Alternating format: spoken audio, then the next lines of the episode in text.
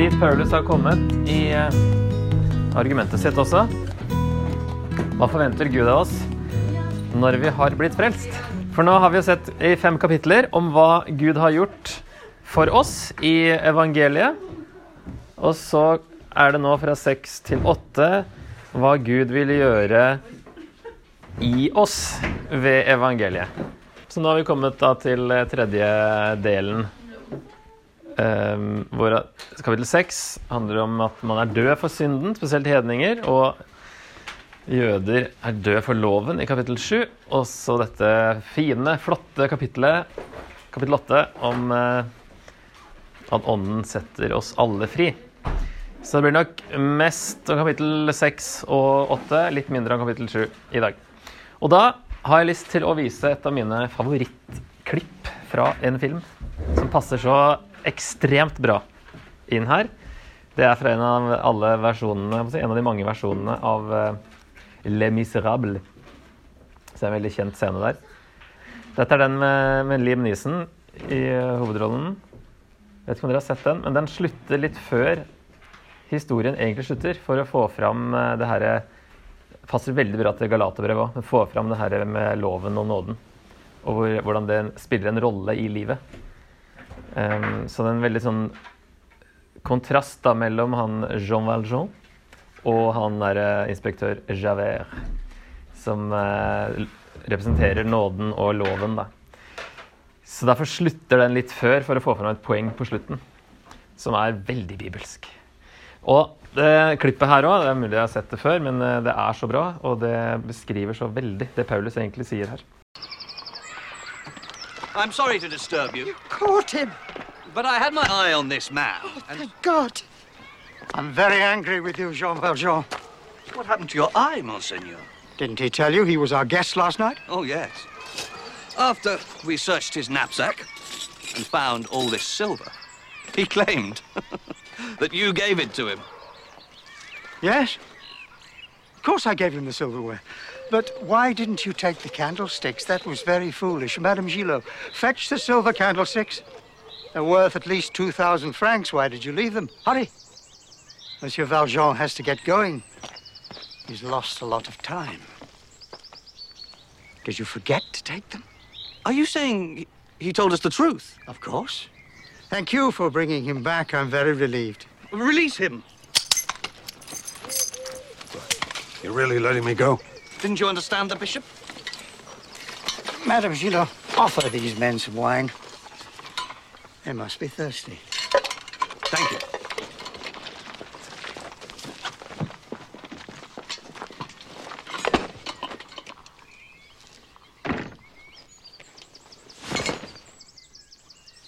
And don't forget.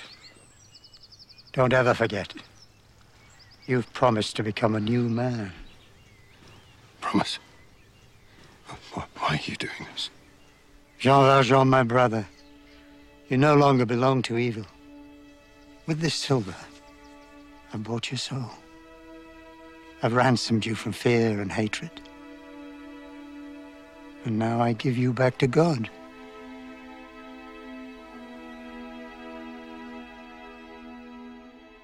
Yes, så det er det som skjer her, da, i kapittel 6.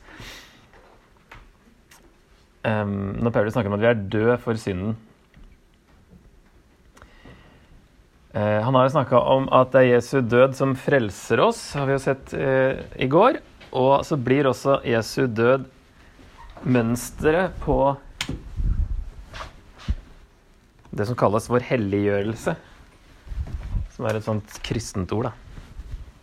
Så i kapittel 5 så dør Jesus for syndere, og i kapittel 6 så er det vi syndere som har blitt satt over i det nye riket, som også skal dø til synden. Følge Jesus, på en måte. Fordi Paulus sier jo her Hva skal vi da si? Skal vi fortsette å synde, så nåden kan bli enda større? Der var den, ja. Slett ikke. Eller altså måtte det aldri skje. Hvordan kan vi som døde bort fra synden, fremdeles leve i den? Eller vet dere ikke at alle, alle vi som ble døpt til Kristus Jesus, ble døpt til hans død? Vi ble begravet med ham da vi ble døpt med denne dåpen til døden. Og som Kristus ble reist opp fra de døde med sin fars herlighet, skal også vi vandre i et nytt liv. Så dåpen er, eh, blir på en måte eh, et slags symbol på dette nye livet.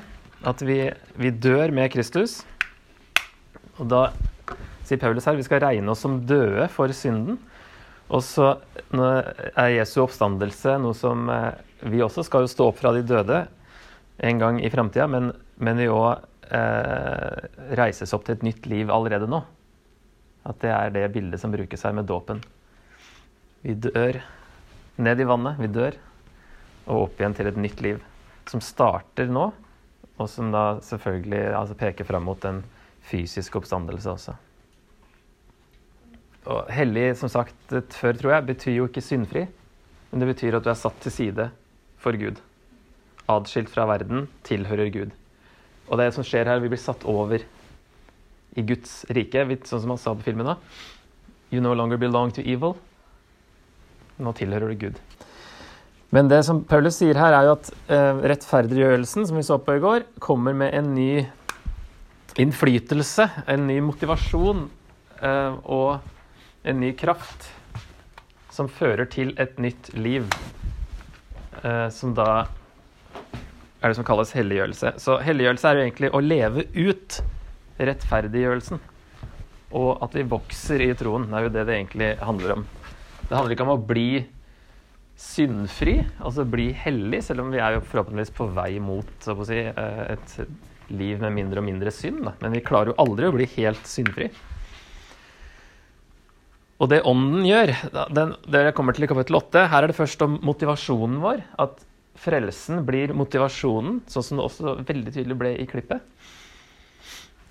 Eh, vår motivasjon for å vende oss mot Gud, som han snakker om senere her, bli tjenere for Gud og ikke være tjenere eller slaver av synden lenger, fordi vi tilhører ikke synden lenger. Så når vi vokser i troen, så er det jo eh, Helligånd som jobber i oss, da. Så det er jo det han kommer til, som sagt, i kapittel 8. Så Jesus frir oss ikke bare fra syndens straff, men også fra syndens kraft.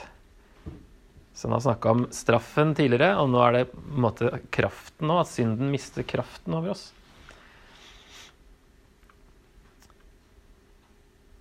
Um, han lager jo noen sammenligninger her. Går litt inn i kapittel 7 og 8 også. Og vi så på den forrige gang, 521, at synden hersket gjennom døden, og at nåden hersker gjennom rettferdigheten. Altså det vi er frelst fra, og det vi er frelst til. Vi var slaver under synden flere steder her i kapittel 6. Og nå sier Paulus at nå må dere tenke på dere selv som slaver for det som er rett. Sto under loven, nå står vi under nåden. Og sier han i kapittel 7 at vi tjente etter bokstaven. Men nå tjener vi et nytt liv i ånden, altså loviskheten. Som vi, i hvert fall hvis man har opplevd å komme til tro, da, gå fra tydelig et liv uten Jesus til et liv med Jesus, eh, så kan man kanskje føle mer på det. Syndens og dødens lov nevner han i 8.2 til åndens lov som gir liv. Og det er jo lov Det er jo ikke en lov på samme måte, det er kanskje mer i betydningen prinsipp. Det er jo ikke en ny lov, sant. Så for å si det på en litt annen måte, så fra og til um, så så vi jo at um, kapittel 5, denne sammenligningen som ligna litt på det her, da. Adam-kolonna, også Kristus-kolonnen der borte. Så vi var under Adam. Vi var da under, i syndens område og under syndens makt. Fordi Adam og, altså, fikk synden inn i verden, og alle mennesker synder. Og eh, derfor hadde på en måte synden den eh, makta over oss. Synden bestemte. Og når man synder i denne kolonna, så er det jo ganske naturlig. Hvorfor ikke? Det er jo sånn vi er, og sånn er eh, Altså, Du vet kanskje ikke hva synd er engang, hvis du ikke har hørt evangeliet eller forstått evangeliet. ikke sant? Og Da bryr du deg ikke så mye om det, og så hører du liksom hjemme og synde her, da. Det er ikke så unormalt, i hvert fall. Det er ganske naturlig at man gjør det der. Men så har vi blitt satt over til Kristuskolonnen representeres av Kristus og altså er i Guds rike. Kristuskolonnen. Ja, det er en fin kolonne å være. det altså. Og her sier Paulus at eh, vi kan motstå synd. Og som sagt, kapittel 6 handler om eh, tankegangen, kanskje. Forstå evangeliet, først og fremst. Mens i kapittel 8 så er det om at Gud også hjelper oss i dette. Men vi er satt over her, men vi er jo ikke blitt eh, fullkomne. ikke sant? Så vi tar jo med oss mange gamle vaner og impulser og tendenser og tankemønstre osv. som ikke Altså, Han sier i kapittel 12, kommer til etter hvert, la sinnet fornyes. Hele veien. La sinnet fornyes, sånn at du forstår hva som er Guds vilje. Så vi trenger å bli fornya når vi blir satt over her. Vi er, vi er der, uansett om vi sliter med ting. Men eh, det er det helliggjørelse er, da. Å bli mer og mer hjemme der. Og Derfor sier Paulus det er jo helt Hvordan kan tatt spørre om man kan fortsette å leve som man var her? Så hvis vi synder når vi står i Kristuskolonnen, så er det jo fordi vi ikke innser hvem vi er egentlig, og hvor vi hører hjemme. Og at vi helt At vi jobber med det, da, og, og forstå hvem vi er i Kristus. Og hva han har gjort for oss. Det er litt som en sånn innvandrer i en ny kultur. Litt sånn kultursjokk. Bli satt over i Guds rike. Så man jo, er man vant til å gjøre ting på en måte og tror at verden er sånn, og så er det plutselig en ny verden. Eh, og så må man eh, leve på en ny måte, bli integrert i en ny kultur. Guds rike kulturen. Så spørsmålet her er jo skal vi da fortsette å synde så nåden kan bli enda større? For han sa jo i 5.20 at loven kom til for at fallet skulle bli stort, men der synden ble stor, ble nåden enda større. Ja, Er det ikke bare bra at nåden blir bare enda større? At vi bare synder litt mer, så blir den jo enda større? Og det er det Paulus uh, svarer. Uh, måtte det aldri skje. Det går ikke an å tenke sånn. Hva betyr det å dø for synden? Det kan være sånn vanskelig å forstå. Det har jeg syns lenge at kapittel 6 er litt sånn vrient. å få helt has på hva han mener med å dø for synden. For det er noe som har skjedd, sier han i vers 2. Vi som døde bort fra synden. Og så bruker han bildet fra dåpen. sant? Vi kom til tro. Og så viser det et, sånn, et, et, et, konkret bilde på hva som skjer når vi kommer til tro. er det som at vi blir døpt, og at vi begraves med Kristus da, og dør fra synden. Så det er ikke en prosess. Selv om vi er i en prosess, så har vi allerede dødd fra synden. Fordi, også som i Galaterbrevet, vi er korsfestet med Kristus. Og så betyr det heller ikke at all lyst til å synde er borte. Så man snakker jo om det òg at eh, La altså ikke synden herske i den dødelige kroppen deres, så dere følger kroppens lyster. Så det er jo det er mulig å gjøre det fortsatt. Da, ikke sant? Så selv om vi er døde, så betyr det ikke at, at vi eh, er syndfrie, eller at vi aldri har lyst til å synde. Men det er et brudd med syndens område, syndens makt, syndens kraft, som vi tilhørte før. At vi må innse at den forbindelsen til Adam, og dermed til synden, er over. Og sagt på en annen måte, vi må innse og ta i bruk vår nye status. Når det står i vers 14 at synden skal ikke herske over dere, så er det grammatisk futurum, altså framtid. Kom, synden kommer ikke til å herske over dere. For dere står ikke under loven, men under nåden. Dere, dere er ikke under den makta, den krafta lenger. Den kommer ikke til å klare det, den synden. Hvis dere stiller kroppene deres så å si, dere selv til tjeneste for Gud og det som er rett, i stedet for for synd, som dere gjorde før. Så der, vi må snu om. Fokus på Gud. Fokus på hva vi på, Det er ikke fokus på 'ikke gjør det, ikke gjør det', da er vi inne i loviskhet igjen, men det er fokus på Gud. Og da blir det naturlig å ikke gjøre det synden sier. Når vi tror, ser Gud som at vi døde den samme døden som Jesus døde, og Jesu død for synden er også vår død for synden. Og hans oppstandelse, som vi vil få del i i framtiden, gjør oss allerede nå i stand til å vandre i et nytt liv, som han sier i vers 4. Men så er det jo ikke sant, Det er også det her med I filmen nå, det klippet at han var, han var en fange i 19 år. Så har han blitt fri. Um, at Paulus snakker om vi var slaver. Og jeg hørte et eksempel fra her, den slavehandelen da, i Amerika, fra Afrika. At eh, når de hadde blitt frigitt etter slaveriet var eh, over, så hadde de ikke innsett at de var fri. Altså sånn, De hadde en fysisk negativ reaksjon da, når de så slavehandleren, si, slaveeieren sin igjen og møtte han på gata. eller sånt så hadde de en reaksjon, eh, kroppslig reaksjon eh, av frykt. Og, og, tenkte plutselig at nei, nå blir jeg solgt, eller et eller annet, nå blir jeg straffa. Når de møtte igjen han som hadde vært eieren deres. Så det, måtte de jo innse at nei, jeg er faktisk fri. Slaveriet er over. Men det er ikke alltid så lett å innse det. Da. Så det Paulus snakker om her, at vi må innse det, vi må forstå det, og det vil hjelpe oss til å leve det nye livet. Så det er jo litt det Hvis jeg, hvis, eh, hvis jeg synder, altså det som sto i stad, så Skal vi se Så er det jo fordi jeg ikke har forstått helt hvem jeg er, og hvor jeg står nå. Eh, så litt videre. Har vi vokst sammen med Kristus i en død som er lik hans, skal vi være ett med ham i en oppstandelse som er lik hans. Vi vet at vårt gamle menneske ble korsfestet med ham for at den kroppen som er underlagt synden, skulle Og her står det 'tilintetgjøres', så vi ikke lenger skulle være slaver under synden. Hvis noen er Bibelen Guds ord, så står det vel eh, 'fratatt sin makt'. Der. Eh, jeg slo opp det greske ordet her, for 'tilintetgjøre'. Så er jo ikke det at eh, en fysisk ødeleggelse, men det er å deactivate it. Si, gjøre den inactive, inoperative. Den eh, kroppen som er underlagt synden. Altså det som eh, synden kontrollerte før. Kroppen som er underlagt synden, skrus av og deaktiveres. Den eksisterer fortsatt, men den regjerer ikke over oss. Vi har fortsatt den samme kroppen, og vi kommer jo til å ha den fram til eh, vi får den som skal vare evig, og den kan ikke synde. Da er det ikke synden en sånn innflytelse etter syndefallet, sånn som den er nå. Så hele veien så kommer vi til å kjenne på denne kampen her.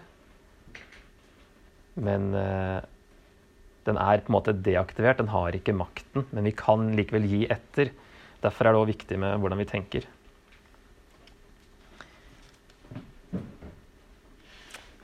Eh, vers 7.: For den som er død, er befridd fra synden. Er vi døde med Kristus, tror vi at vi også skal leve med ham. Vi vet jo at når Kristus er oppreist fra de døde, så dør han ikke mer. Døden har ikke lenger makt over han. For døden han døde, den døde han for synden. Altså Jesus er, eller han ble å død for synd, fordi han døde, han også, for synden. En gang for alle. Men livet han lever, det lever han for Gud. På samme måte skal dere regne dere som døde for synden, men som levende for Gud. Akkurat som Jesus. I Kristus Jesus. Så selv om at vi skal regne oss for døde. ikke sant? Det er en sånn tankesak. Vi må innse det. Vi må se på oss sjøl som at vi er døde for synden. La altså ikke synden herske i den dødelige kroppen deres, så dere følger kroppens lyster. Og still ikke lemmene deres til tjeneste for synden som våpen for urett, men still dere selv og lemmene deres til tjeneste for Gud som våpen for det som er rett. For dere var døde, men er blitt levende. Åndelig døde, da. Synden skal ikke herske over dere, for dere står ikke under loven, men under nåden. Og så kommer neste spørsmål, da. Hva så? Skal vi synde fordi vi ikke er under loven, men under nåden?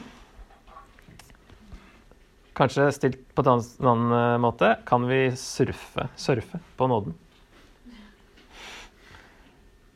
Er det bare greit, da, hvordan vi lever? Slett ikke. På ingen måte. Måtte det aldri skje. Aldri i livet. Vet dere ikke at når dere går i tjeneste hos noen og adlyder ham, da blir dere hans slaver? Dere blir enten slaver under synden, og det fører til død, eller slaver under lydigheten, og det fører til rettferdighet. Men Gud være takk, dere som før var syndens slaver, er nå av hjertet blitt lydige mot den lære som dere ble overgitt til. Dere ble satt fri fra synden og er blitt slaver for det som er rett. Jeg bruker et bilde fra dagliglivet fordi dere er svake av kjøtt og blod. Før stilte dere lemmene deres til tjeneste for urenhet og urett, og det førte bare til mer urett. Men nå skal dere stille lemmene til tjeneste for det som er rett, så dere kan bli hellige. Den gang dere var slaver under synden, var dere fri fra det som er rett. Hva slags frukt høstet dere da? Slik som dere nå skammer dere over, for det fører til død. Men nå er dere frigjort fra synden og er blitt tjenere for Gud, og frukten er helliggjørelse, og det fører til evig liv. Syndens lønn er døden, men Guds nådegave er evig liv i Kristus Jesus, vår Herre. Så Paulus sier at frelst betyr ikke at du ikke har noen herre. Alle mennesker er enten syndens slave eller Guds slave. Ingen er nøytral eller fri. Verdens frihet i anførselstegn, er egentlig et slaveri til synden. Man tror man er fri, men man er egentlig slaver til synden. Paulus sier du er enten eller. Og det kan ikke være begge deler. Men alle er en av de. Enten slave til synd eller slave av Gud. Så det naturlige er jo å tjene vår nye Herre, som har befridd oss fra vår gamle Herre. Av takknemlighet så vil man jo det. ikke sant? Det er det Paulus vil få frem her, da. Kan du ikke fortsette som før og tjene synden når du har blitt befridd fra synden? Det er jo helt baklengs å tenke sånn. Og det her kan være ting som, for, som folk har lurt på om det er det Paulus sier. Da, for han har jo, det er flere ganger han forsvarer seg med sånne retoriske spørsmål. Hadde ett i 331 også. Opphever vi da loven ved troen? Slett ikke. Vi stadfester loven. Det er ikke at vi bryter ned Guds lov, men vi oppfyller det Guds lov egentlig ville ved troen. Det kommer han tilbake til i kapittel 13. Og i 3.8 står det også at skal vi ikke da like godt gjøre det onde så det gode kan komme? Det er noen som håner oss og sier at det er dette vi lærer de skal få den dom de fortjener. så det, er, eh, det, har vært flere innvendinger mot Paulus. Han ble nok misforstått. da. Og så har han retoriske spørsmål her som eh, han forventer at leserne òg stiller, og så svarer han på de. Så for å prøve å summere opp det her, så er det jo at den riktige anvendelsen av frelsen, det er jo helliggjørelse. Det er det å ville leve for Gud. Og det er jo det som er å være hellig. Å være adskilt fra verden og satt til side for Gud. Du vil leve for Gud. Derfor kalles alle kristne hellige.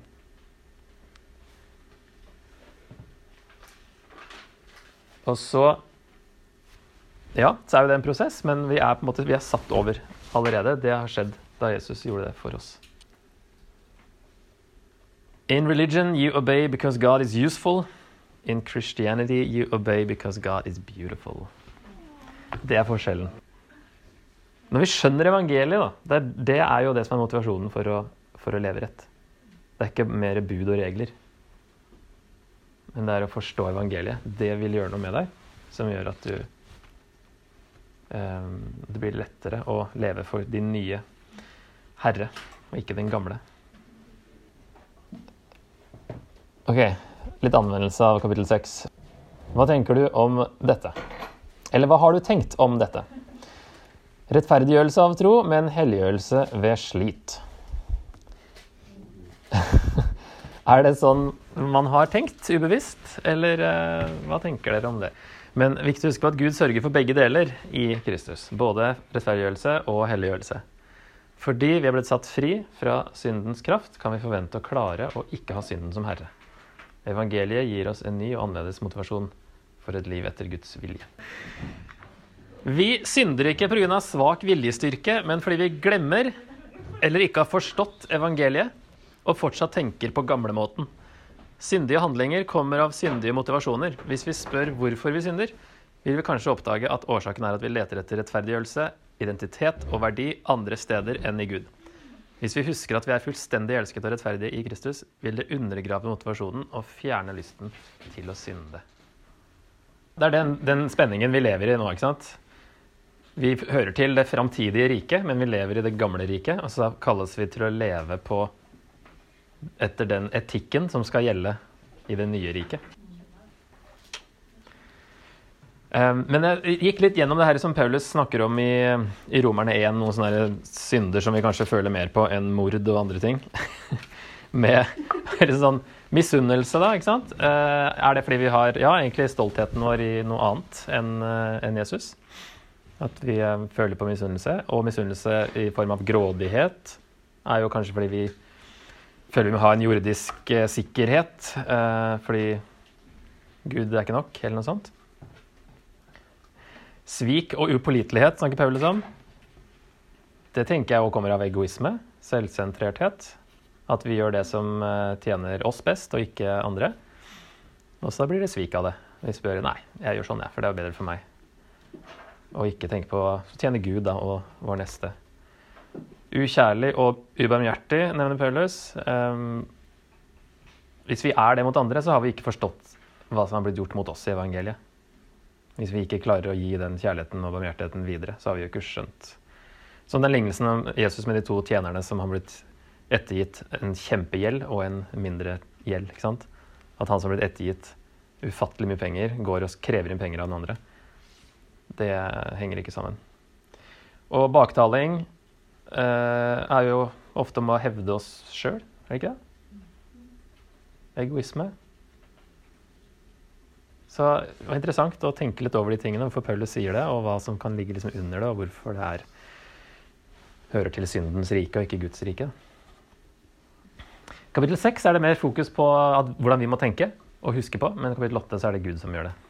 Mm.